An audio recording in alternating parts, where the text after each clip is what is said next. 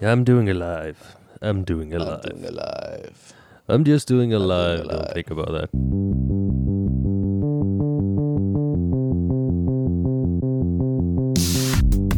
Halló er eitthvað að frétta Já það er ekkert að frétta Já það er ekkert að frétta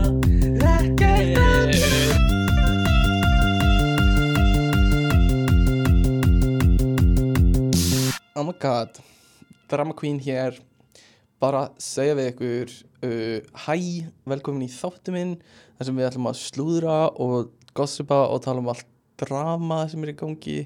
Um, Fyrst uh, ætla ég bara að segja takk fyrir að stilla inn á okkur og hlusta á okkur. Ógeðslega mikið af fólki að baktala okkur og slúðra og ég hata sum podcastin sem verður að gera eins og uh, eins og það er alltaf að vera fucking grín uh, það er alltaf að baktala okkur og slúðra og, og, og eitthvað þessum fótballapodcastum sem ég man ekki hvað heita eru líka alltaf að baktala okkur og slúðra. Um, þannig að bara velkomin í þáttinn. Þetta er setni hluti af uh, drama þættir um okkar gumma. Uh, ég er að taka þetta upp eftir uh, að gummi er farin hann þurfti að fara í eitthvað Halloween party um, sem er, ég meina, come on gummi. Uh, upptökur fyrir alþjóð og þúsundir hlustanda eða eitthvað Halloween party og hann og aldrei það bara uh, en ég hérna kötta aftur inn í uh, framhalda umræðun okkar hérna um drama.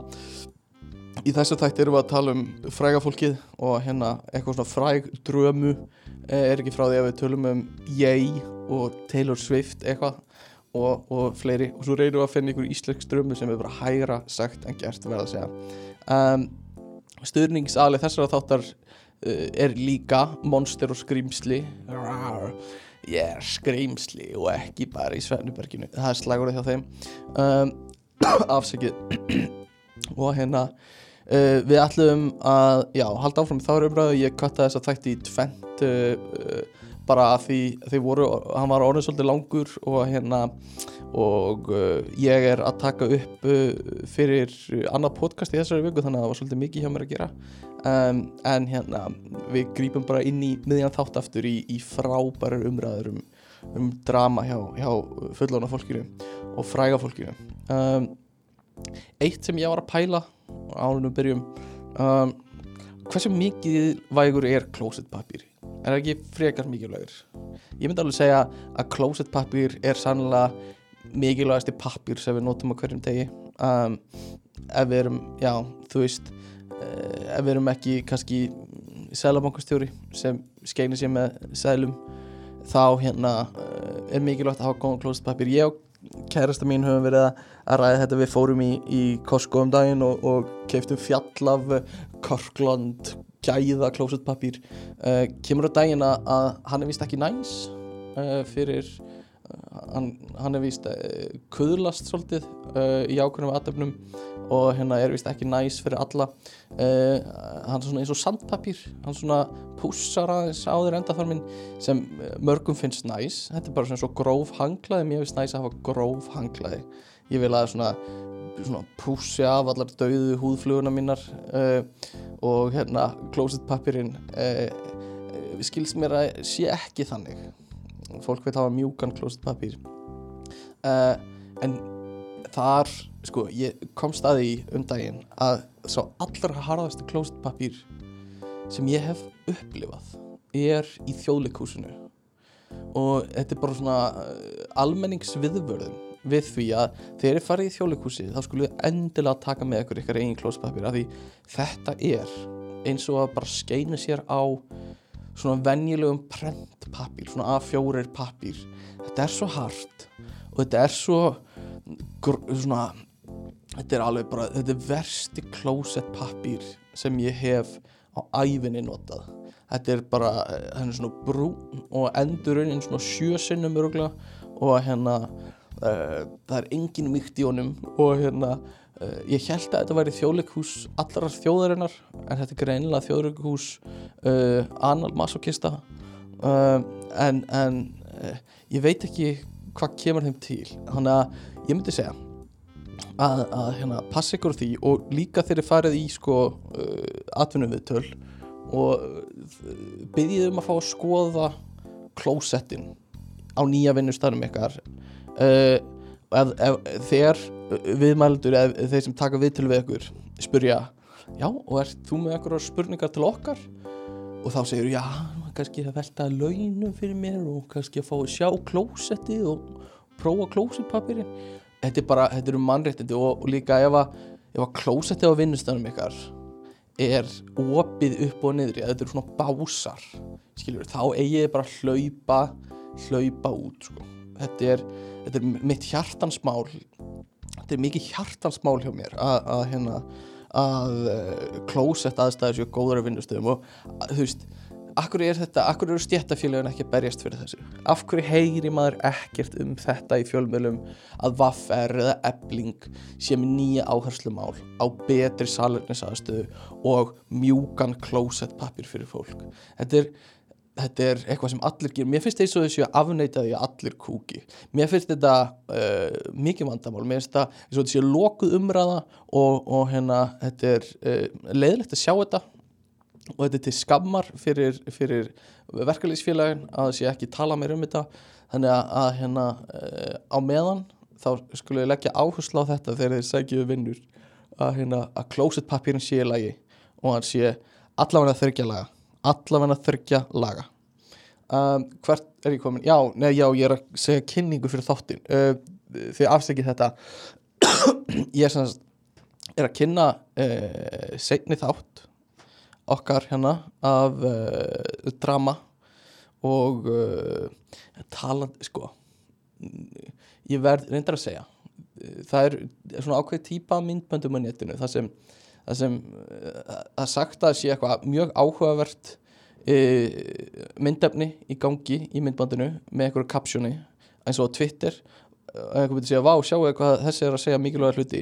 Og svo kveikir maður á hljóðinu og það kom eitthvað svona klám eitthvað svona móns og, og hérna eitthvað, eitthvað svona öskur og, og hérna þetta á að vera grín. Þannig að fólk sé að opna þetta í strætó og það heyrist eitthvað svona e, klámstunur út um allan strætó uh, uh, þetta er stórhættulegt. Ég brendi mig á þessu nýlega. Ég var lág upp í rúmi þá kærst mín og svo þetta við hliðin á mér og ég var að skoða Twitter og ég sá viðtal við Messi og það var einhver sem sagði vá, ég vissi ekki að Messi talaði svona góða ennsku og ég af einföldinu minni opnaði þetta myndbátt og vildi endilega heyra hvernig Messi talar ennsku og þá byrja bara einhverjum svona klámstunur að heyrast úr símanum mínum við hliðin á kærustunum minni sem náttúrulega er ekki næs skilur það er alveg það bara uh, skelvilegt sko, hjarta á mig fór alveg á hundra og ég bara hendi símanum mínum í veggin á móti og, og hérna og mikið læti og hérna ég þurfti að slaupa upp og og segja vondi sími þetta var, ég var hakkaður. Eitthvað svona við kæristunum mína sem var þá svona í einhverju svefnmóki og, og hérna og, og hún uh, verður að segja hún þetta heyriði ekki í þessu þetta voru svolítið svona íkt viðbröð hjá mér hún, hún, uh, ég held hún hafi ekki vaknað við þetta. En uh, ég vil byggja þennan mann sem bjóð, eða mannskju sem bjóð þetta til að, að skammast sín.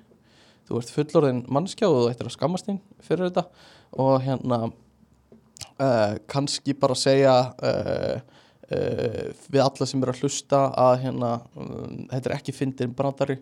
Uh, og nei, hérna ég er að grínast þetta var bara mjög óþægilegt og mér brá mikið. En hérna já, við ættum að halda áfram þáttinu, við erum að tala um drama og við erum að fara að tala um, um, um dramafræga fólksins, þannig að bara ég segi, gera þessu vel og, og njótiði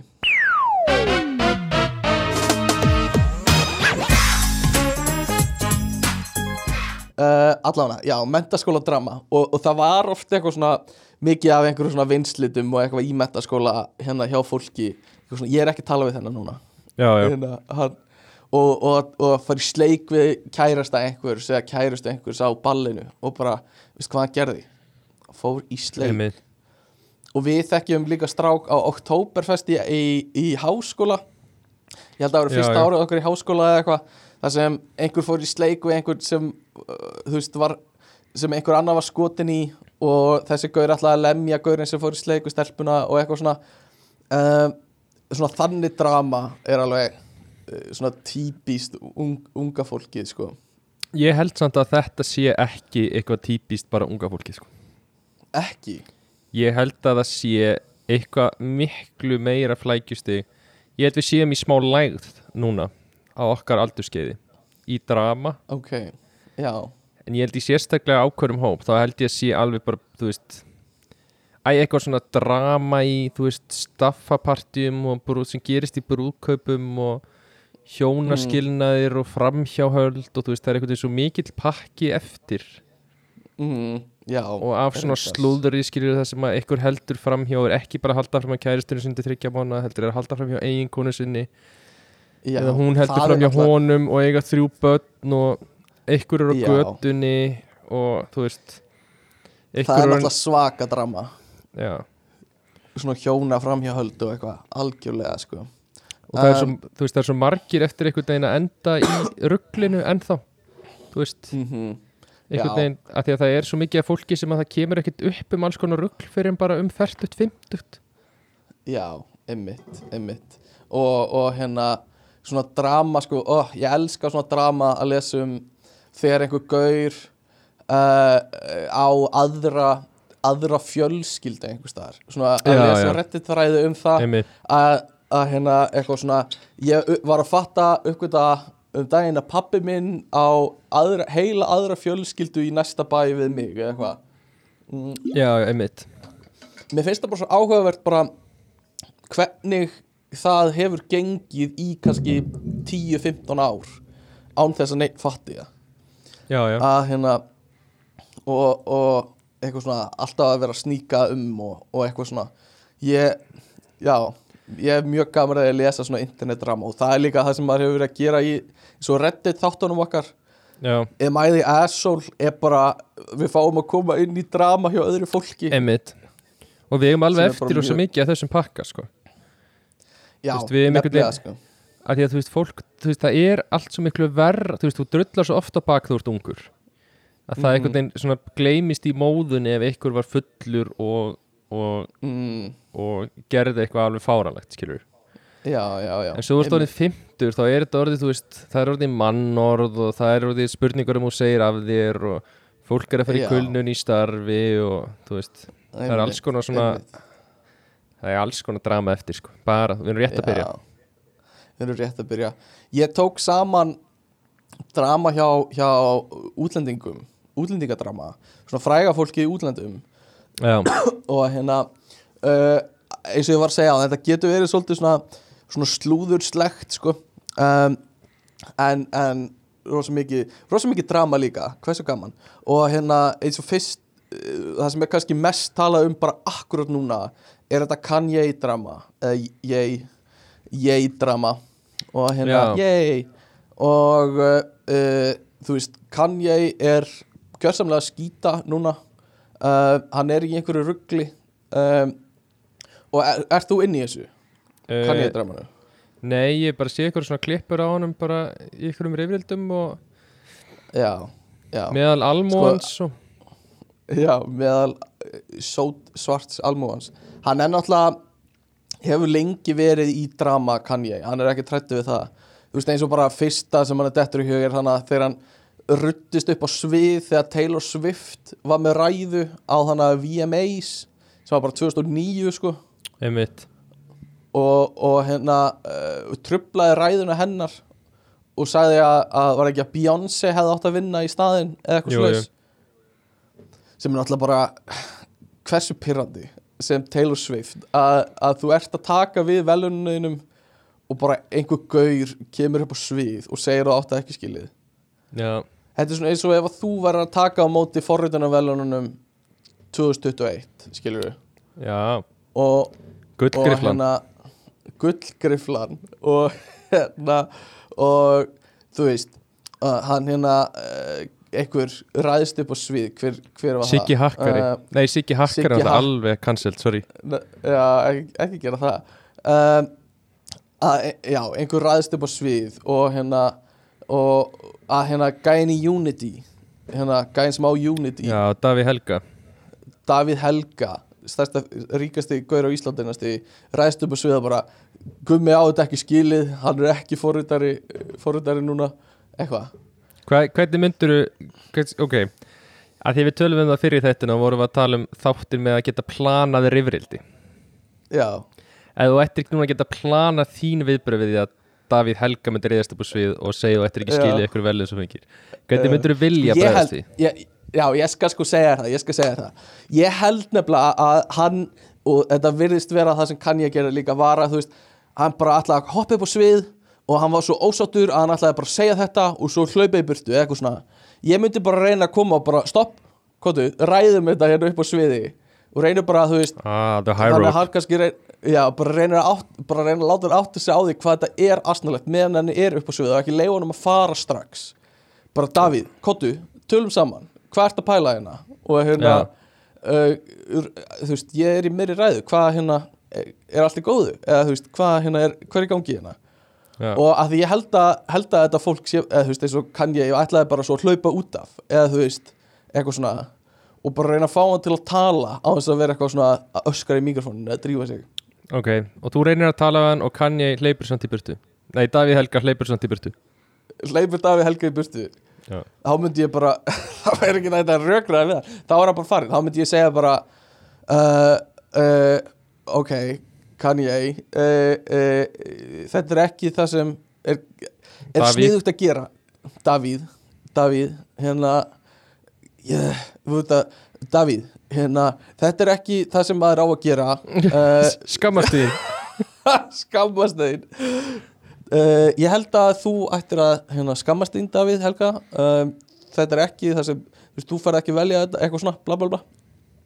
Um, en allavega Kanye hefur verið að rífast við Já. marga og hérna þetta er svo æjæjæ, uh, top notch content og, og, og hann eh, rífast við Jay-Z og eitthvað svona. Svo næsta kannski st stóra stóra hjá Kanye er um, er hérna þegar hann uh, hætti með Kim og, er og, og var að bögga Pete Davidson sem er náttúrulega bara uh, The lowest of the low. það er bara eitthvað, já, það var mjög skrítið. Hann var að bara eh, setja á Instagram og tweeta bara einhverju svona semi-ofbeldisfullu um, um Pete Davidson og hvað hann og Kim er að fara að enda saman og hvað hann er að rífa að brjóta upp fjölskylduna þeirra og eitthvað svona. Já, bara mjög skrítið líka sko. Og hérna uh, uh, það var allt saman mjög skrítið. Og það er mjög nýlega náttúrulega um, sem það var að gerast. Uh, og þú veist saga pítum um alls konar alls konar drasl sko.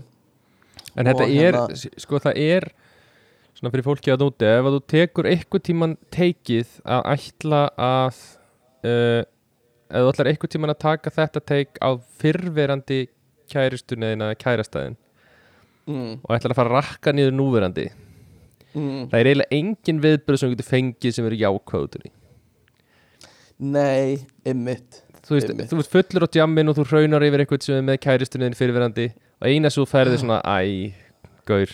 Já, já, hættu þetta er pathetic, eitthvað svona þannig. Algjörlega sko. Og, og hérna uh, en núna er Kanye í sko í mjög djúpum skít. Hann var búin að vera með eitthvað svona uh, hérna antisemitic sem er þú veist hann er með gyðingahatur í rauninni uh, eitthvað svona Mm. þannig orðbræð og hann er að saka hérna uh, um að það sé einhver svona gyðingamafía sem ráði öllu og, og ráði skemmtana innan sem er eitthvað sem hefur sem er veist, eitthvað sem, sem, maður, sem fólk hefur heyrt áður sko, að Já. sé eitthvað svona underground society að, að ráða öllu sem er þú veist uh, uh, ekki eitthvað sem er þú veist já, sem er svolítið svona conspiracy theory dót og líka bara smá rugglað einhvern veginn. Og En- hérna og hvetja til ofbeldis svo er hann að halda því fram að hann sé gýðingur af því að hann er svartur og svart fólk séu líka gýðingar með einhver mjög svona skrítni rauk baku það.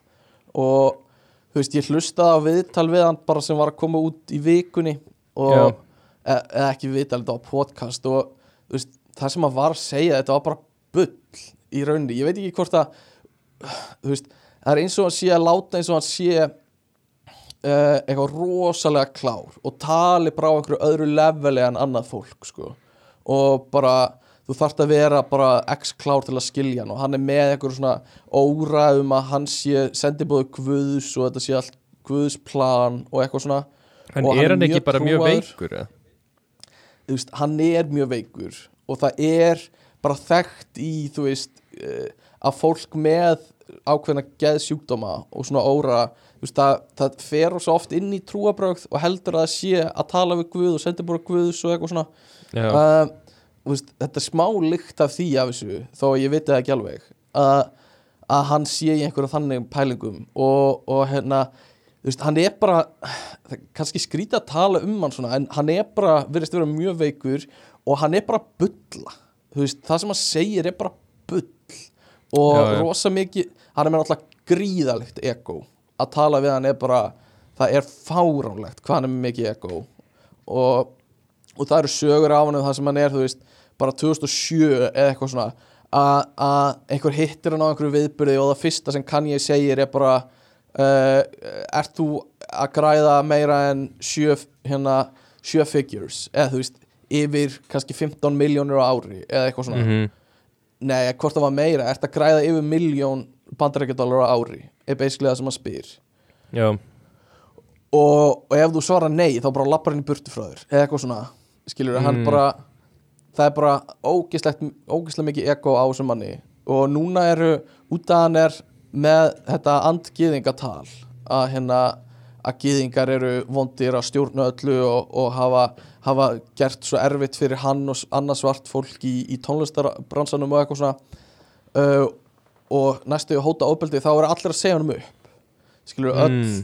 Adidas og, og, og Balenciaga öll tísku fyrirtækin þú veist hérna umbóðskrifstofan hans droppa honum uh, og, og fleira og fleira. Bara allir er að slíta tengslum við hann. Hann er að einograst mjög mikið og út af því að allir dílanir hans og, og allt er að, er allir að slíta tengslum við hann þá er hann búin að droppa um 2 þú veist, 2 miljardar dollara í, í hérna semast, virðið hans í rauninni.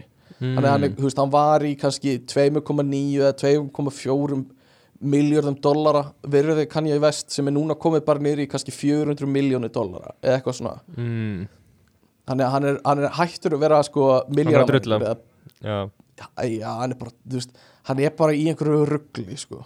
Og, en og, og hann, hann var að stæra sig aður líka að Adidas, ég gæti sagt hvað sem er og Adidas myndi ekki droppa mér. Veist, ég gæti bókstaflega hvað til ofbeldi skeggiðingum og Adidas myndi ekki droppa mér. Og svo bara tveim dögur seinna það droppaði Adidas að hann var bara með svakalegt ego og Já. bara fokkaði verulega upp og er bara ekki góð manneskja held ég. Ég held í alvöruna að það sé ekki góð manneskja sko. Nei, mér líður eins og ég gæti alveg sett Kanye niður og, og fengið hann til að hugsa já, já, já, já, já. Ég Einmitt. bara eina kvöldsut með Kanye og ég gæti, gæti einhvern veginn alveg tekið hann á teppi Já, ég hugsa það sko um, að, að hann er búinn að vera rosa mikil uppsprett og drama upp á síðkasti sko og hérna um, en annað sem er náttúrulega mjög stórt var hérna þegar uh, Will Smith uh, sló Chris Rock á. Óskarnum það var bara eitthvað eins og út úr bíómynd sko. Það var svo skrítið.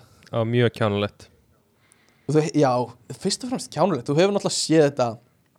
Chris Rock gerir gerir grín að, hérna, uh, því að, að konan hans Will Smith er hérna uh, sköllótt, hvað heitir hún aftur? Uh, og Jaden Pinkett Smith eða eitthvað eitthvað svo leis og hérna Já. og og Will Smith byrjar að hlæja og eitthvað svona og eitthvað ha ha ha mjög fyndi brandar og horfir á konuna sína sem er ekki sátt og þá snappar eitthvað í Will Smith Já, já, og hann fer upp á svið og hérna og Chris Rock er bara "Jöi, hvað er Will Smith að gera upp á sviði?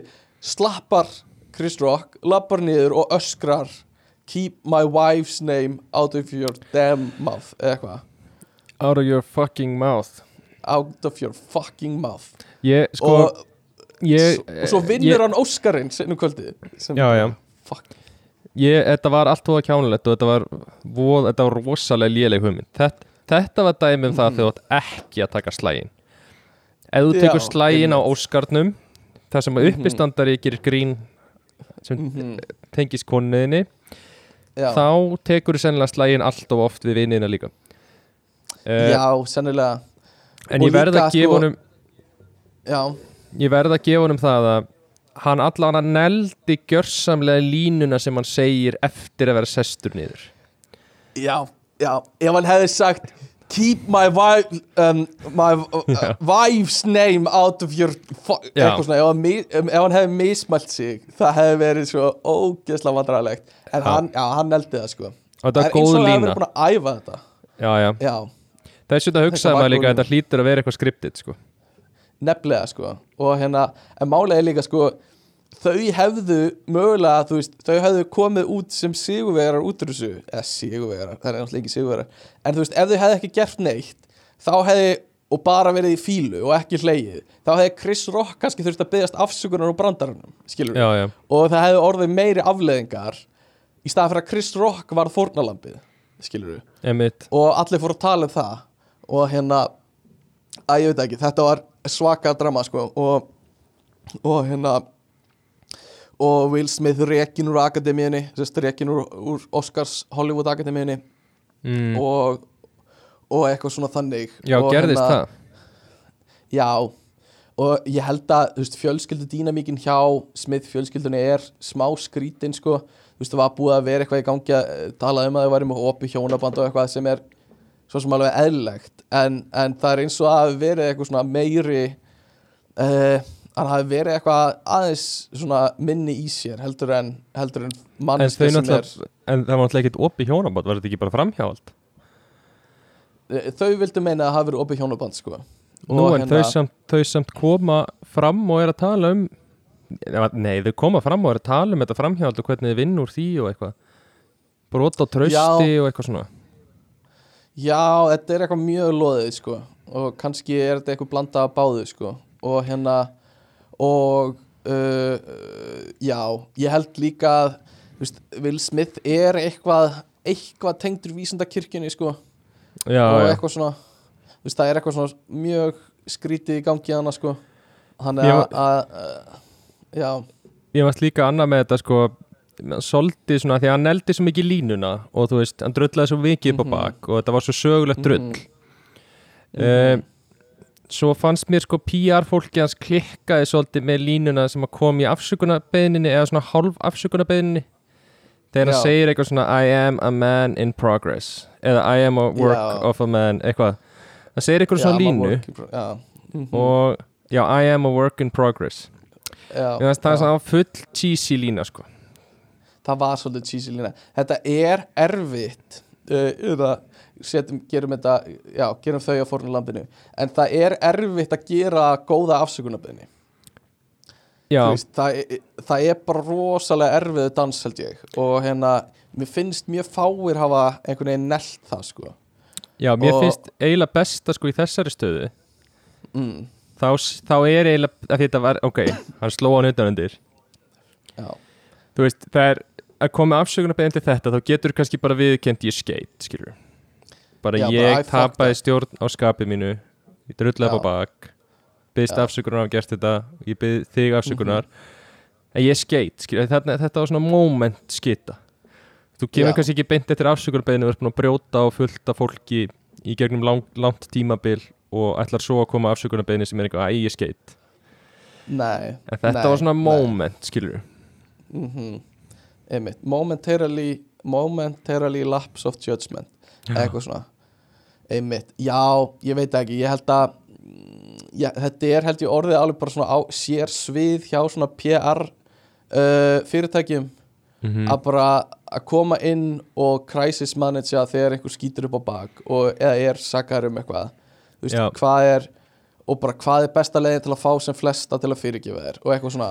Ég sem ímyndi gerir mér að þetta já, það gerir það minna minna svona persónlegt eða þú veist þetta verður og svona svona uh, færibandalegt og, og corporate og segja bara það sem er rétt og eitthvað svona Já, ég spáði því eftir einhver ár þá munum við sjá Mm. sko ekki bara heimildamynd heldur við Mm. munum sjá leikna mynd um mannesku sem að þú veist þetta verður svona eins og einhver svona Mad Men serja um mannesku sem Já. vann bara í þessu það er einhver svona. PR mannesku þau eru að veðja, það er einhver PR manneska sem er bara þekkt til að vera besta PR manneska og er besta PR teimi eða veist, eitthvað í heiminum Mhm.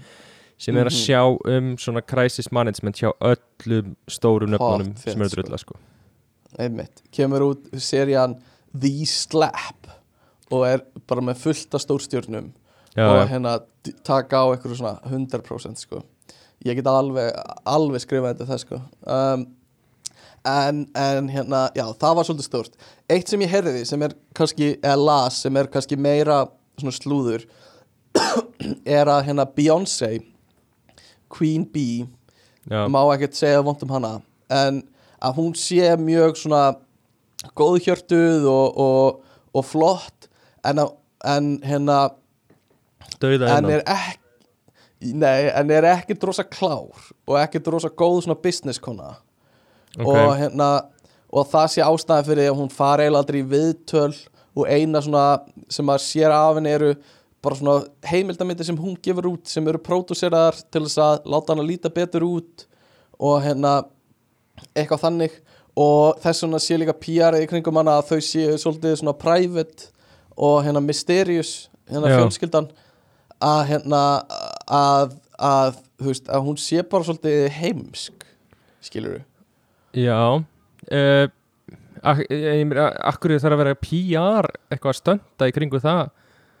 Er, er, hún er með ro, rosalega flotta ímynd skilur er með, það bara elskana allir. Og hún er með geggja ímynd að hún sé bara fullkomi innast því og eitthvað svona. Og að það sé bara mjög keiterað bara og, og pródúserað lúk en hún er í rauninni bara freka vittlaus en ég meina, er hún, ekki, er hún ekki allt sem að fólk heldur hún sé það er engin sem heldur að hún sé bara, bara starf, þú veist, bara einhver hagfræði séni, skilur við Nei, ég meina eins og ópra fólk heldur að, að veita þú veist, að ópra sé rosa klár og, og góða, þú veist, svona viti hvað hún er að tala um og eitthvað. En ef þú myndir sjá viðtal við Beyoncé hún er bara, er eitthvað svona já, og svo var ég náttúrulega að drekka súkulæðmjólkina og brúnu kúnum og eitthvað svona. Og, og hérna, þú veist, heldur bara já, hérna uh, eitthvað, það eru bara til fjóri litir í heiminum eða eitthvað, skilur, kemur bara með eitthvað fáránlega hvað heldur Hérna, hún sé bara er, er það sagan að hún sé bara þú veist, það er bara ekki að samræð við hana? Já, nei, en hún er allavega ekki eins svona kláru hún lítur út fyrir að vera eða er látið lítið út fyrir að vera. Að hún sé bara kjáni. Hún náttúrulega sko, ég held að hún, veist, hún kláraði ekki high school og eitthvað svona, skilur hún er ekki, hún er ekki mentu neitt ekki það að það sé einhver, einhver og það standard er svo mikilvægt fyrir Beyoncé að klára high school maður. Já, hún væri miklu betur sett það. ef hún hefði klárað al Advanced Algorithms 1 Uh, já, 100% Nei, það er bara, já, já, það er það sko. Ef þú klárar ekki starffræði, þá ertu heimskur. Nei, en bara svona Þú veist að hún er ekki Já, að hún er bara, þú veist Ekki klár, en PR teimið hennar heldur utan að að komist ekki upp Skilur já, Hei, þetta er bara eitthvað sem ég las, skilur já, mér finnst að ég er svona smá svona, ég veit ekki alveg með þetta sko. Ok, allt í góðu. Það er allt í góðu. Þetta þarf ekki að vera þú veist já, ég meina þú veist, já, ég, skil, skildi ekki alveg. Þú veist, við erum með fullt af frægur fólki sem er ekki klárt er, er, búið, er, er að setja upp ímynda henni hún sé klár, það er búið að setja upp ímynda henni hún sé næs og ef hún, hún getur alveg verið næs. Já, nei ég held að oft, ég held bara, ég held að líkillin í þessu sé sko hvað er búið að leggja mikla vinnu í það að að hérna passa að hún segi aldrei neitt vittlust þú veist, að hún leggji mikla áherslu á það að hún hafi fullkomna stjórn á ímyndinu sinni, skilur og Ok. að, að enginn, þú veist, fatti að hún er kannski ekki vel að sér í öllu skilur já, og þetta sé alveg sér Það- dæmi fyrir hana að sé lagt svo mikið vinna í þetta Já, og PR teimið hennar sé bara á fullu í að, í að Eh. díla við það, sko. að hún segi ekki eitthvað vittlisu Já, já, já, að hún segi ekki einhverju vittlisu, skilur við. hvað segi lastu þetta? óvart. uh, ég eh, bara helst vil ekki segja það sko ég er með bara mjög áræðilega sósa Bland.is ekki um, mögulega reddit en ég segi ekki neitt sko ég ætla ekki Já. að segja hvort það hefur komment á reddit sem ég las en Já. uh, allavegna mm. svo eru þú veist dæmi um svipa þessu er þú veist svona að Hollywood stjórnir um mikið PR er þú veist eins og eins og Tom Cruise og, og Katie Holmes þú veist að, að hún hafi það hafi verið hal- haldnar áhærendapröfur af Tom Cruise og örgulega vísindakirkjunni um hver eigi að vera konan hans á tímabili. Og þú veist, svo eru sögursagnir um að að að Katie Holmes hafi verið ólétt áður en þau kynntust. En að barnið þeirra sem heitir eitthvað Susie Cruz eða eitthvað að sé í rauninni eh, semast, að, að það sé annar pappi heldur en Tom Cruise. Og að það hafi verið, þú veist, falið og hérna og það hafi verið svaka mál fyrir hann náttúrulega að losna út úr þessu hjónabandi fyrir Katie Holmes. Og hérna eitthvað svona en margir vilja meina að það sé bara bull að hérna, þetta er dóttir Tom Cruise. Þau eru svo lík og eitthvað svona. Volett ástand er þetta. Vistu þessi verið að búa Já. til svona einhvern PR-struktúr fyrir einhverja svona kröfur sem enginn baðum já, já, já, nákvæmlega. Þú veist, fyrir Tom. Og Já, einmitt nei, Tom hefur eitthvað í pókahóninu eins og ég er alltaf að segja sko. Sem bara, eh, við fáum ekkert að vita sko. Það er náttúrulega að vita allir að hann hefur alveg helling í pókahotinu já, hann er, það er eitthvað skrítið sko. Eins og bara viðtalið sem hann var hjá Ópru hefur séð það? Þegar hann hoppar á sófanum? Já, þegar hann hoppar á sófunum, það er bara, hvað er í gangi sko? Já, já, um, en, en meira hérna eitt sem hefur verið svolítið mikið núna bara í síðustu viku og ég veit ekki hvort þú fylgist með er hann að James Corden þáttastjórnandinn í bandaríkjunum? Já, maður er heyrt alltaf að hann sé ókslega leiðilegur. Já, hann sé ógislega leiðilegur. Bara, bara ein af svona leiðilegustu uh, stjörnunum. Ef það kemur einhver listi yfir leiðilega stjörnur þá er hann oft mjögulega Já, Mm. og hann var í síðustu viku uh, kólaður út af, af veitingastað sem hann fer ofta á. Já, og hérna um, og var bannaður. Þetta er einn ein flottasti veitingastæður í New York. Ok. Einn svona vinsalsti og, og dýrasti og flottasti veitingastæður í New York. Og, og hann var hérna eigandi staðurins setti post á Instagram þar sem hann sagði bara nú er nóg komið. James Corden er búin að vera virkilega dónalega við staffið okkar og svo taldi hann upp hvað hann hefði gert. Hann hefði, þú veist, skammað einhvern þjón og, og sagt honum að á ég að elda þetta eða hversu erfitt er að gera það sem þú gerir. Eitthvað svona og, og verið mjög dónalegur og hefði gerst nokkru sinnum og hann hefði bara verið bannaður á staðnum. Ok, og, og James Corden á að hafa ringt í hann og beðist innilega afsökunar og þeirra eiga að hafa leist þetta þannig að hann er ekki barnaður lengur. En bara það að þetta hafi gengið svona langt já, að einhver að besti veitingastæður í New York hafi bara nei við þurfum að stoppa þennan mann. Já, já bara þetta er komið yfir strikki sko. Mér finnst það svo leiðilegt Mér finnst svo leiðilegt að sjá að því að þú veist það er hægt að plata mig svo mikið. Mm, að ég sé hann mann, ég hugsa bara að það getur ekki annað en bara gleði að vera með þér og í kringu þig. Já, já, einmitt.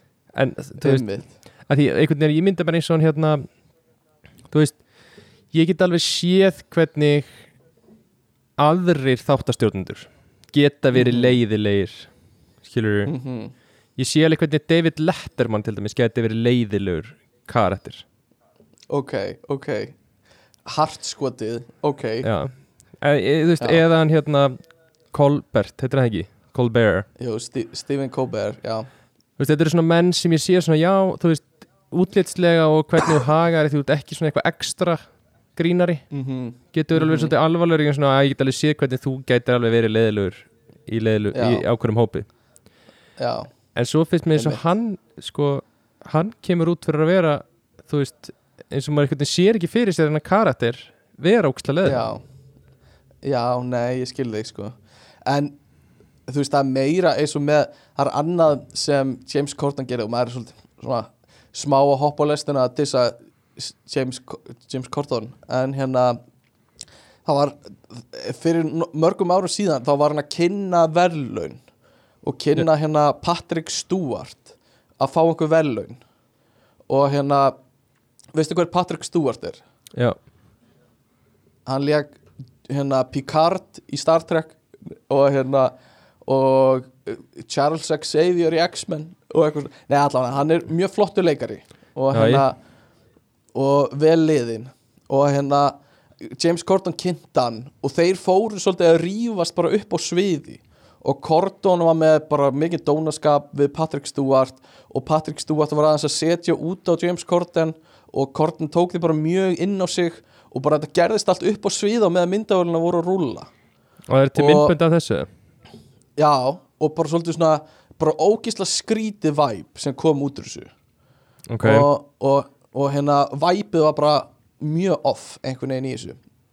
Þannig að, að hérna, það er til það eru alls konar svona hérna uh, uh, já, já svona, uh, eitthvað svona dæmi um það hvað hann er óþægilegur sko. Um, þannig að Cordon Corden er, er eitt sko. Um, eitt sem mér langar að tala um hefur séð myndir á Molly's Game?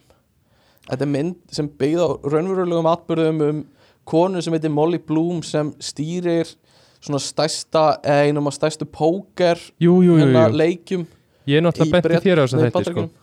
Bara minna á það. Mm, Já, þetta er ekki þættir Þetta er mynd sem heitir Já, sem ég- heitir Molly's Game. Ég benti þér samt á þessa mynd.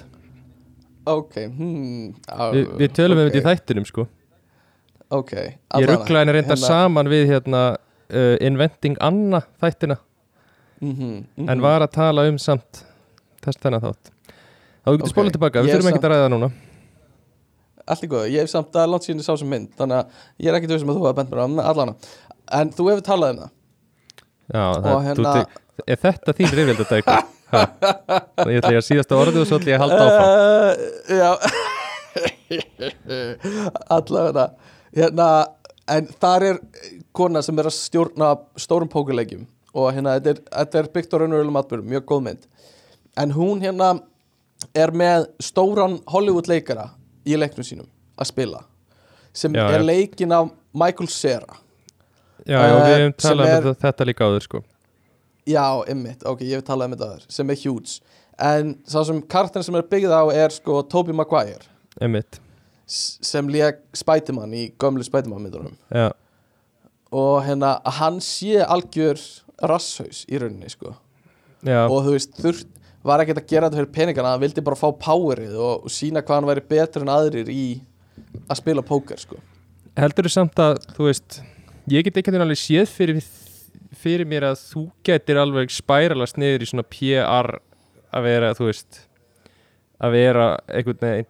Æ, þú ert svona manneskja sem að ef að þú nennir ekki að tala við eitthvað mm þá myndir alveg vera þú myndir aldrei vera leiðileg við starffólk á veitingastað eða neitt svo leiðis ok, En nei, fólk- en, en sem fræg manneskja ég get Ok. alveg séð fyrir mér þú ert að labba heim úr rektinni eitthvað staðar inn í já, og reynir ykkur að trubla Já. þig og þú ert eitthvað svona, herru, látið mig vera. Þú ert alveg, þú þú ert alveg sákur. Ok, ok, ég skil hvað mennar já, ég, maður veit það náttúrulega ekki en ég er ekkert viss um að ég myndi díla vel við það að vera ógeðslega frægur skilur við, það er auðvitað allt í lægi að vera bara svona einhverju þekkja þig og þú segir hæ og bara gaman skilur við, eins og margir Mhm. tala um að það er gaman þú ert frægur fyrst skilur við, en svo verður þetta þreytt en ef ég væri þú veist, ógeðslega frægur og væri bara alltaf í heitapottunum eða sánu að reyna að slaka á og það væri alltaf fólk að koma upp að mér mér finnst það örgulega mjög leiðilegt sko. já, já, eða svona ég, ég býstu ég veit það náttúrulega ekki sko. En svona ég hugsa að gæti alveg orðið mjög þreytt sko. já, já. Að því að líka, sko, ég held að aðalmáli sé sko, maður þarf eiginlega að hugsa, ok, hvenar er ég svona í versta mútinu mínu? Mm og hvernig myndi ég bregðast við þessu þar á public stað, já, að því að maður hugsa, já, sko veist, það er þessi skipti máli. Það þarf bara að vera til þrjú myndböndaðir. Það sem eru þrýr mismunandi aðdæðandur sem komu upp að þú veist eitthvað, hætti, þú veist, leiði mig bara í friði og þá ert þú orðin leiðilega celebrityð já, nei, bara nákvæmlega sko. það þarf ekki mikið sko. uh, Kristjana er lest úti, ég þarf að opna fyrir henni. Ég kemur smá. Uh, sjá, já, já, sorry. Á ég að vera einn eftir eða don't stand at the back of the stage with your hands in your pockets, looking around as though you wished you were anywhere but here. Oh, you couldn't be more wrong, sir. You couldn't be more wrong. Oh, genuinely. And if it looked like that, I'm so sorry. But when you come up and present an award, just f***ing get on with it. There we go. And uh, that was right over there at the back of the room. These people down here, uh, you know. sorry, I'm waiting for the punchline. Go on. No, seriously, go on. Okay. No, um, go on. You can see my belly, and we can all see you dying right now. Let's go for it. Here we go. Já, við hérna Við tókum smá uh, pásu Kristjana læstist úti, ég þurfti að opna fyrir henni En hérna, Gummi var að horfa á Hérna Patrick Stewart miðbandi Með Já. James Corden uh, Hefði meila bara átt að spila hljóðið Að gera, já, við vitum það næst En hérna, já, þú varst að segja Að þú svona áttaði kannski betur á hvernig Hann getur verið leðilegur Eftir að horfa á og ég held, já, maður sér það á myndbættinu og sér maður alveg, ó, já, þú ert þessi típa af leiðilegum gaur það. Þannig Já, að maður já, já, skilur hvernig einmitt. ertu þegar þú ert leiðilegur Og ég fór Já. líka að hugsa hvort það væri, sko Þú veist, yfir höfuð ef þú ert búin að sjá mjög mikið af einhverju mannesku En þú voru aldrei síðan að vera leiðilega Að þá Mhm. sé hausinn svona forritar og þann hátt að þú einhvern veginn heldur að svo manneska sé aldrei leiðileg Og getur Já, ekki ímyndar en að leiðilega Einmitt, Og jafnvel hvort að sko það að einhver leiki hlutverk þar sem þú ert leiðilegu karakter sem leikari þá er ég heiliðin auðveldara með að trúa því að þessi manneski sé leiðilegi í alvörunni heldur en að þú leikur Já, alltaf hressagæðan Já, pott, þetta sko 100% sko. Og, og hérna og hérna um, já, ég ég veit ekki, ég held að þetta var bara svo þetta var skrítið atmosfér einhvern veginn sem var búið til einhvern veginn sem James Corden einhvern veginn ítti undir. Og það er eitthvað svona þú vilt ekki gaurinn sem er alltaf glaður og hérna uh, sem er rosa erfitt að gera pyrraðan þú vilt ekki sjá þegar hann er pyrraðar því þá er ljónið komið út eitthvað svona bla veist, Já, eitthvað já. svona það er oft talað um það að, hérna, að þegar einhver sem verður aldrei pyrraður er pyrraður þá verður hann svakalega pyrraður Já, Eitthvað já, einmitt, já að, hérna uh, kannski smá þannig væp sko. um, síðasta eitt sem ég langaði að tala um er hérna sem er ógæðslega skrítið drama. Þetta er bara þetta er, þetta er bara svo þetta er svo, svo asnalegt. Þetta er bara, já ég veit ekki hvernig maður á að lýsa en það er semst Vin Diesel sem er svona stór aksjón kvikmyndastjarna, sköllóttu gaur leiki Fast and the Furious og eitthvað fleira. Mhm. uh, hann er í fyrsta lagi bara mjög skrítin gaur. Hann er bara já, hann er massa skrítin sko.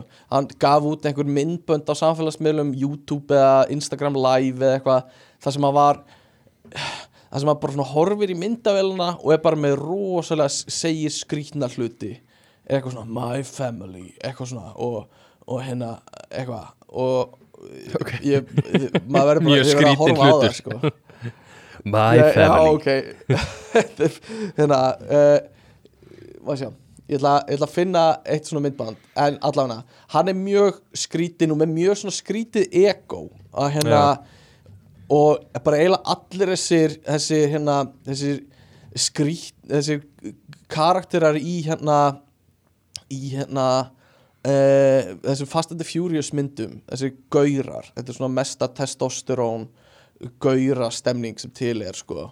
Og hérna þeir eru allir með eitthvað svona mjög skrítin hérna uh, skrítinan skilir því í samningunum sínum. Og, og þú veist þetta er eitthvað svona eins og karakterinn minn má ekki tapa slag í myndinu Aha, Já, og, og líka meira eins og Diesel er með sko karakterinn minn uh, má bara vera lamin 51 sinni eitthvað svo leiðis í myndinni, það er bara x mörgu sinnum sem hann má vera lamin og er talan 51 sinni? Uh, Já, það er eitthvað x tala en líka, ég man ekki hver talan er en kannski ekki 51 sinni en, en líka sko, í, veist fyrir hvert högg sem ég fæ á mig Já. verð ég að gefa sama eða meira tilbaka. Mm. bara eitthvað svona ógeðslega skrítið. Þannig að og það er ekki bara Vin Diesel heldur þú veist, það eru hinir hvernig líka eins og Jason Statham og, og Rock Vin, hérna, hérna. Dwayne Rock Johnson eru með þetta líka. Þannig að engin karakter má tapa slag í myndinni og það verða allir að veist, lemja hvort annar jafn oft og eitthvað svona. Uh, og það er bara svona mikið áhersla lögð á þetta. Og hérna já, bara verður að fá, gefa jafn mikið og hann fær af svona höggum og Mér líður þetta að sé veist, ég sé fyrir mér einhvern veginn ef ég kemist í á stöðu að ég væri einhvers konar tegund af frægri mannesku já, að þá væri ég tekin svona undir vendarvæng einhvers fyrirtækis sem er svona Já. algjörlega, þú veist, er með öll, alla þessa gæja eða allavega alla þína stereotypu já, og er, veist, er að setja svona klausur í samningaræðina og þú ert bara eitthvað, já, ok, já, já veist, mér líður eins og get ekki verið að þeir í alvörunni allir hafi verið eitthvað, já, þetta er að vera svona og svona það hlýtur Já. að vera eitthvað fyrirtæki á bakvið það sem er með eitthvað svona skilmála og notar þetta út frá einhverjum gögnum sem þeir búa til og einhverju reynslu og ímynd sem þeir eru, þú veist já, sko ég held samt líka að gæti verið það að það sé eitthvað svona ímynd og eitthvað fyrirtæki sem er sjáum það ég held líka að það sé tippakeppni sko Er Þú veist, það? ef að hann fær þetta já, ef að hann fær þetta þá verð ég að fá það sama eða meira eitthvað svo leiðis og þú veist, af því einn byrjaði á þessu þú veist, Rock var kannski ekkert með þetta frá byrjun en af því, af því Vin Diesel var með þetta í sínu samningi þá má minn samningur ekki vera verri skilur við, Já, já, já, eitthvað svo leiðis og ég verð að fá það líka. Og hérna og það var bíf á milli sem sagt Vin Diesel og Dwayne Rock Johnson. Uh, um þú veist, bara um myndatökuna og Rock var uh, sent á, á Instagram nei á samfélagsmiðla að rósaði öllum fyrir, fyrir hvað stóðu sér vel að gerð myndarinnar nema Vin Diesel að því Vin Diesel var vist mjög ófagmannlegur við tökur á myndinni og, og hann sagði líka að þú veist þegar ég er pyrraður, verðist vera pyrraður í myndinni sjálfri þá er það ekkert leikið veist ég er bara ógeðslega pyrraður út í Vin Diesel í Aha. tökunum og eitthvað svona og hérna það er virkilega fyndið myndband þar sem hvernig sko Fast and the Furious myndin var klift þar sem þið voru í einhverju svona standoffi og Já. Vin Diesel er bara minni en The Rock hann er bara minni manneskja en þau tóku þú veist, sko, skotið upp þannig þetta er svona stare down að Vin Diesel er allt í einu orðin eitthvað risa stór eins og þessi standandi miklu nær myndavilni uh, en þe þeir eru, þú veist, horfandi bara á hvern annan, skilur og þeir eiga, þú veist, Vin Diesel á að vera minni en hann er bara hann er bara eins og að sé eitthvað tröll við hliðin á The Rock. Og svo í, þú veist, í næsta skoti þá er, þú veist, aðeins annað sjónarhón og þá er Rock allt í hennu bara, þú veist með eitthvað hjúts haus, sko. Og þetta er bara eitthvað svona algjör tippakeppni um hver á, þú veist hver er aðal maðurinn hana og hérna og þetta, bara allt í kringum þetta var mjög skrítið og núna vill Rock ekki taka þátt í þessu lengur af því þeir eru pyrraður út í hvern annan og eitthvað. Aha, ég var að senda á þig myndband af Vin Diesel live já uh, og hérna uh, ég ætla að horfa á það hérna og sjá hvort það I'm doing a live, guys, so just have a seat, and this is going to be fun. I'm giving you big hugs in a second. I'm giving you big hugs in a second. I'm doing a live. I'm doing a live. I'm I'll doing give a big live. hugs in a second. I'm doing a live. I'm doing a live guys I'm doing a live I am doing a live. Uh, I'm doing a live, and um, the reason why I'm doing a live uh, is allan það er svolítið skrítin orka í kringum hann sko. Það er bara flotta rödd. Hey guys. What's up? Yeah, I'm doing a live. I'm doing a I'm live. doing a live. I'm just doing a I'm doing live. A Don't think about that. Doing a live. Þá byrja að nota þetta í þættinum okkar. Já. Doing a hey podcast. Guys I'm we're just doing a live doing a live podcast live. Mhm. Já, ok, allavega. Um, svo var, þú veist, þetta var svona kannski síðasta sem ég var með einhverju viti en svo var, þú veist, bara eitthvað Gwyneth Paltrow var að leggja einhver krakka í einelti þegar hún var yngri og eitthvað svona sögur af því. Um, það er nú svolítið svona Þú veist Æ, já. Verði ekki mistök batna að fá að eiga bara eiga sér stað þar eða?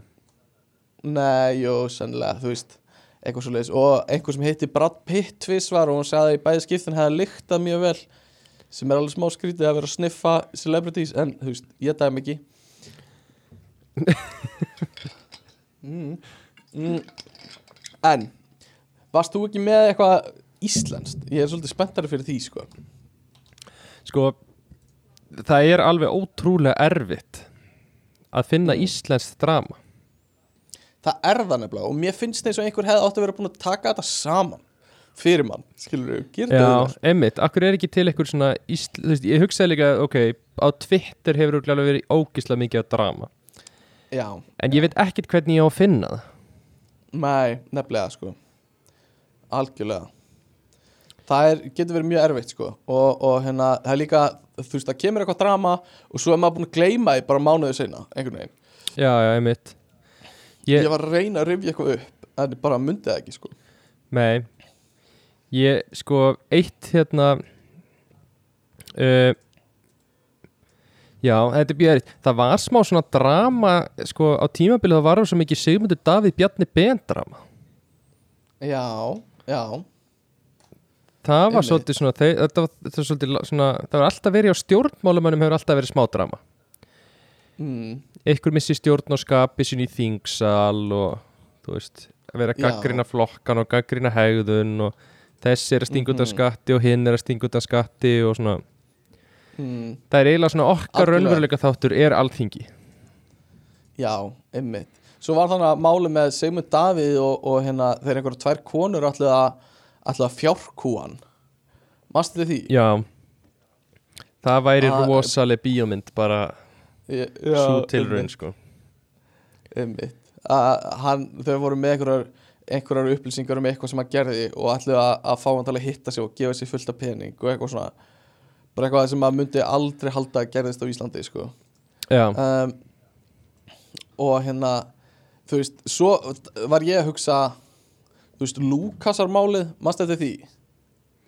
Nei, uh, það var hann að einhver hundur sem týndist. Sem hétt Lúkas. Og, og hérna og er eitthvað svakalegt mál í kringum það að hérna fólk var að saka fólk um að vera einhverjir barnanýðingar og fara illa með hlu- fólk og eitthvað svona. Ég, ég hefði átt að kynna mér þetta aðeins betur ég man ekki nákvæmlega hvað það var. En það var, snýðist alltaf með hundur týndist og það voru fullt af fólki að leita á honum og, og það átti að vera einhverjar, einhverjar dýra mistyrmingar og eitthvað svona en svo kom bara ljósa þú veist, veist, hundurinn var bara heimi á sér eða fannst svo bara og ekkert á honum. Já. Þetta er veist, já, einmitt, já það var drama. Ég líka sko annað drama sem ég dætti varstu með eitthvað, þú veist, veistu eitthvað meira um þetta Lukasamála ah, ég, svona, ég var að vona kannski að þú hefði gert það en, en nei ég, ég, ég setti mig aldrei inn í þetta ég byggðist afsökunar Já En um, annað drama held ég sko Það var þegar hérna Robert Westman og Haldur Kristmansson mm, Manstu því að? nei, hvað það? Það var svona smá Jú, alvöru bíf nei, byrju. Hann var hérna í, því. Hann var í hérna Alvotech og hérna Mhm.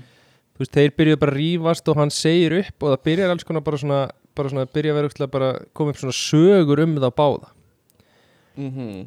Þú veist, um að það bara svona orðið svona fjölmiðla stríð á milli ykkur að, þú veist, eiganda og forstjóra eða frangatastjóra eða hvað sem það var í fyrirtæki Já. og þá byrja svona svona sögur eitthvað svona, já, Haldur Kristmansson, hann er reyndar á bíl sem að þú veist, keifti bara Hyundai, nei, Toyota Corolla og lét GZ Benz-merki á það ok, keifti sennilega Benz en lét, þú veist, breyta breyta hérna A-klassanum yfir í eitthvað eitthvað Mm. S-klass eitthvað, eitthvað svona Já, bíladótt ok.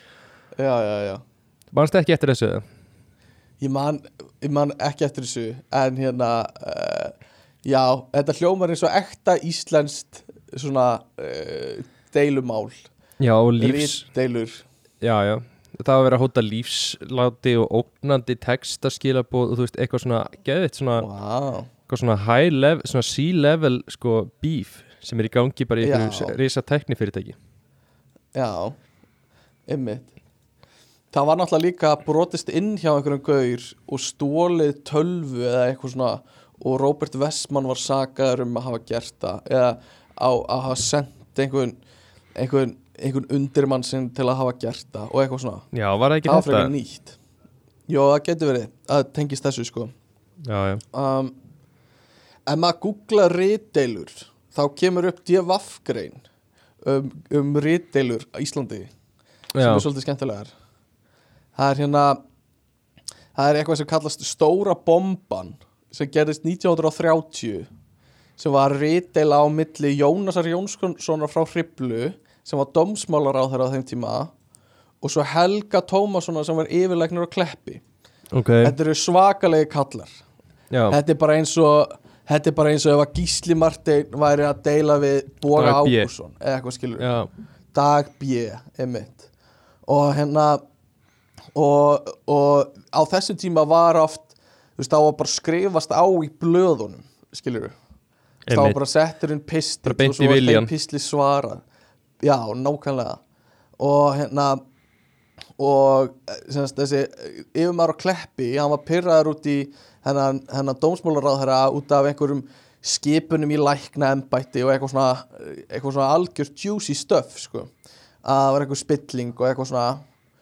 Og uh, þessi læknir á að hafa gripið í, í hendina á konunni hjá dómsmálaráðherranum og sagt við hana uh, vitið þér ekki að maðurinn yðar er geðveikur sem er alltaf bara bombshell sko. á, halló sko og það bara fór allt í rugl sko. Þetta er það alveg var Will bara- Smith að fara upp á svið sko já, já, bara það logaði allt eftir þetta sko. og hérna og þetta er svona dæmi um alveg ekta drama sem maður elskar sko. þetta er Já. svo juicy stuff sko. Vitið þér ekki að maðurinn yðar er geðveikur Keep og konan á að hafa verið sammála sko. out your fucking mouth. Algjörlega sko. Og hérna svo var líka svo var líka Bubbi sem lendi í einhverju svona rítdeilum uh, við hérna Bygga í Maus. Og Byggi í Maus var að segja að Bubbi hefði aldrei verið leiðandi afl. Og hann er bara svampur sem sígur umhverfið sitt inn og mótar sig og skoðanir sínar eftir í hvað er í gangi hverju sinni og, og bara svakalega skot sko. Já, og. Bubbi svarar því sko og segir Byggi verður að kingja að staðrendinu svo að með Ísbjarnablús breytti ég íslenskri tónlistasögu ásamt utangarsmönnum uh, og hérna og, og í Maus var sem sagt uh, rittstjóri Monitors sem er merkur fjölmiðl á sínu tíma sko. Og, og það fór allt bara í háa loft á Íslandi á þessum tíma sko Já, og, við og, þurfum að fara að koma upp meira það þarf að fara að gerast aðeins meira drama á Íslanda það þarf að gera meira úr málunum líka. Já, já, ég hugsa það sko. Reyndar eitt hérna, drama. Uh, Stuttar en snarpar rittelur áttu sér stað milli leikonar Ágústu Efu Erlendsdóttur og áhrifavaldsins Manúli Óskar Harðardóttur árið 2017 Ok, manstu, manstu hvað þetta var? nei En núna eru semst rittelur, það eru komnar inn á samfélagsmiðluna en ekki í, í þjóðviljanum og, og Já, hérna, eitthvað svo leiðis Þannig að, að Manuela Ósk uh, postar mynd af sér á, á, á Instagram og uh, Ágústa Eva kommentar undir myndina borða, spurningamerki. Og gaf þar með í skýna henni þætti Manuela of grönn sko Já, segir í fréttinni sko. Og hérna Manuela svarar Ágúst Eva á Snapchat. Og hérna og sakar hana og segir hvað hérna þið heyrið, heyrið í henni ef þið eru eitthvað ósátt með your body. Hún veit hvernig allir eiga líta út segir Manuela sko. Og eru ósátt við þetta komment frá Ágúst Efu sko. Sem var reyndar alveg valið punktur sko. Þetta er alveg fáralegt komment sko. Já, og hérna bara, og hérna eh, það verður að fyrir allt í háaloft sko, og Manuela mætir í viðtölu og eitthvað um þetta, og það endar á því að Ágúst Eva segir sko þetta var vel meint sorry allir sem móðguðust. Sem er alltaf bara klassíst að segja sko enda á því að, að byggjast ef þú móðgæðist þá já. byggjið afsökunar sko. Það er bara mikilvægt að hafa það á hreinu sko. Þetta er svona eins og mér veist leðild að ég særði þig en ég skil ekki af hverju. Mhm, mhm. Já, Ef ég særði Og- þig ok. þá ætti ég að byggðast afsökunar. Já ef, ef, ef þú, já. Ef þið líður eitthvað illa þá er mér þá byggðist ég afsökunar. Annars ekki, sko. Um, Svo síðasta hérna er uh, mæ 2015 þá er leikarinn Jóhannes Haukur Jóhannesson að tjá sig um rapparan Sævar Phoenix og um ákvörðun semast, Sævars um að mæta ekki fyrir dóm vegna vörslu á kannabisefnum. Þannig að- Jóhannes Haukur finnst hann geta tjá sig um þetta og segir um leið og ég sé hóp af hassreikingamönnum sem eru pródútífur einstaklingar sem leggja eitthvað til samfélagsins og gera eitthvað að viti þó ekki sé nefn að sinna einhverju starfi af svo mikið sem örlitlu metnaði þá er ég að fara að hlusta á svona málflutning þanga til það gerist hlusta ég ekki á svona væl segir Jóhannes já, um, að, um að Sævar vilji ekki mæta í réttasal sko.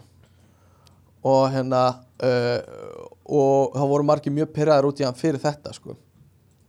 Sævar drama, sko. Það er eitthvað, er eitthvað ég mista honum já, ég veit ekkert hver þetta er sko.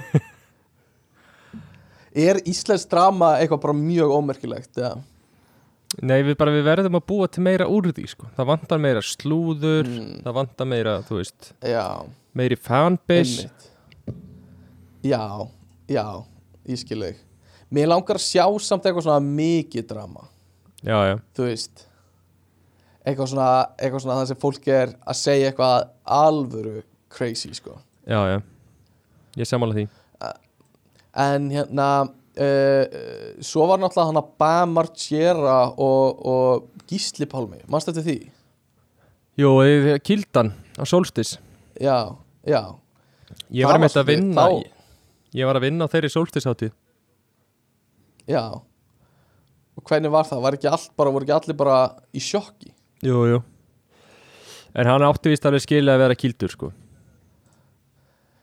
Greið kallin, hann er í einhverju ruggli sko Hvor? Báðir báðir undar já, henna, en Bam er bara hann, er svipur hjá sjón sko. hann er svo illa farin sko. hvað er Gísli Pálmi í dag núna? Sko, hann Gísli- er bara Já, hann náttúrulega kemur úr efnari fjölskyldu sko, þannig að hann held ég bara geti bara, og hann er með null tekjur samkvæmt Mm. skattaskíslunni emmitt þannig að það er Einmitt. eitulefja sala eða chill sko, það er ekkit annars kemur til greina. Nei, emmitt já, ég man þegar hann var svona á hápunkti þá mætti hann í útskrift metaskóla útskrift eða eitthvað hjá vinnum mínum. Og það voru allir að reyna öskra á hann að fara úr að ofan og eitthvað. Hann var með eitthvað svona þann stimpil á sér að vera alltaf að bera ofan þegar hann var að gigga og eitthvað. Uh, ég held að sé mjög perrandi að mæti eitthvað svona úlingapartí og, og allir séu öskraða frá úr og ofan og þú ert að reyna bara að fá peningin og fara á eitthvað svona Já, ég held satt að hann, svona, ég myndi alveg, ég þekki hann ekki sko en ég myndi alveg giska að hann var típan sem er ekki að hatta það sko Nei, kannski, kannski Hann er bara ekkert að gigga í dag sko. Það er að vera skrítið að sjá að Gísli Pálma ætlaði að mæta okkur ásóti í dag sko. En kannski kemur eitthvað svona gísli sextur eitthvað svona, Já, Sjó í Hörpu. það Já, Gísli 60 Takk alla, alla sjómanna vísuna sínar já, um, Ég er með síðasta sem ég er með er hérna MC Gauti að tvítum Reykjavík þetta því? ég man eftir því. Það var alveg bíf sko. Og Já, hérna, Hann þurfti að geta Hann- það ofan í sig aftur svolítið. Já, hann tweetaði 31. janúar 2015 Þetta er ekki spurning um kyn. Rapp er rapp Reykjavíkur dætur var feit pæling sem gekk ekki upp. Vond tónlist er vond tónlist. Og fólk fór að tala um þetta og, og hérna uh, Hann tók fram að hann vildi sjá fleiri stelpur rappa og, og svo sagði hann í viðtali á vísi að hljómsveitin uh, hafi ekki staðindi væntingum uh, og hann áritaði að hann væri ekki starta bí, bífi heldur bara að segja síðan skoðun. Og, og hérna þá svarar einhverju Reykjavíkudæturum Kolfina Nikolásdóttir uh, svaraði Gauta og sagði að hann væri haldin ótta og minnumáttakend og hún sagði hvað er gamall, fertur, nei grínlaust. Það er skrítið að vera orðin uh, remba svona ungur. Að því hún, hann var einhver kallremba með Já, þessu já. kommentum.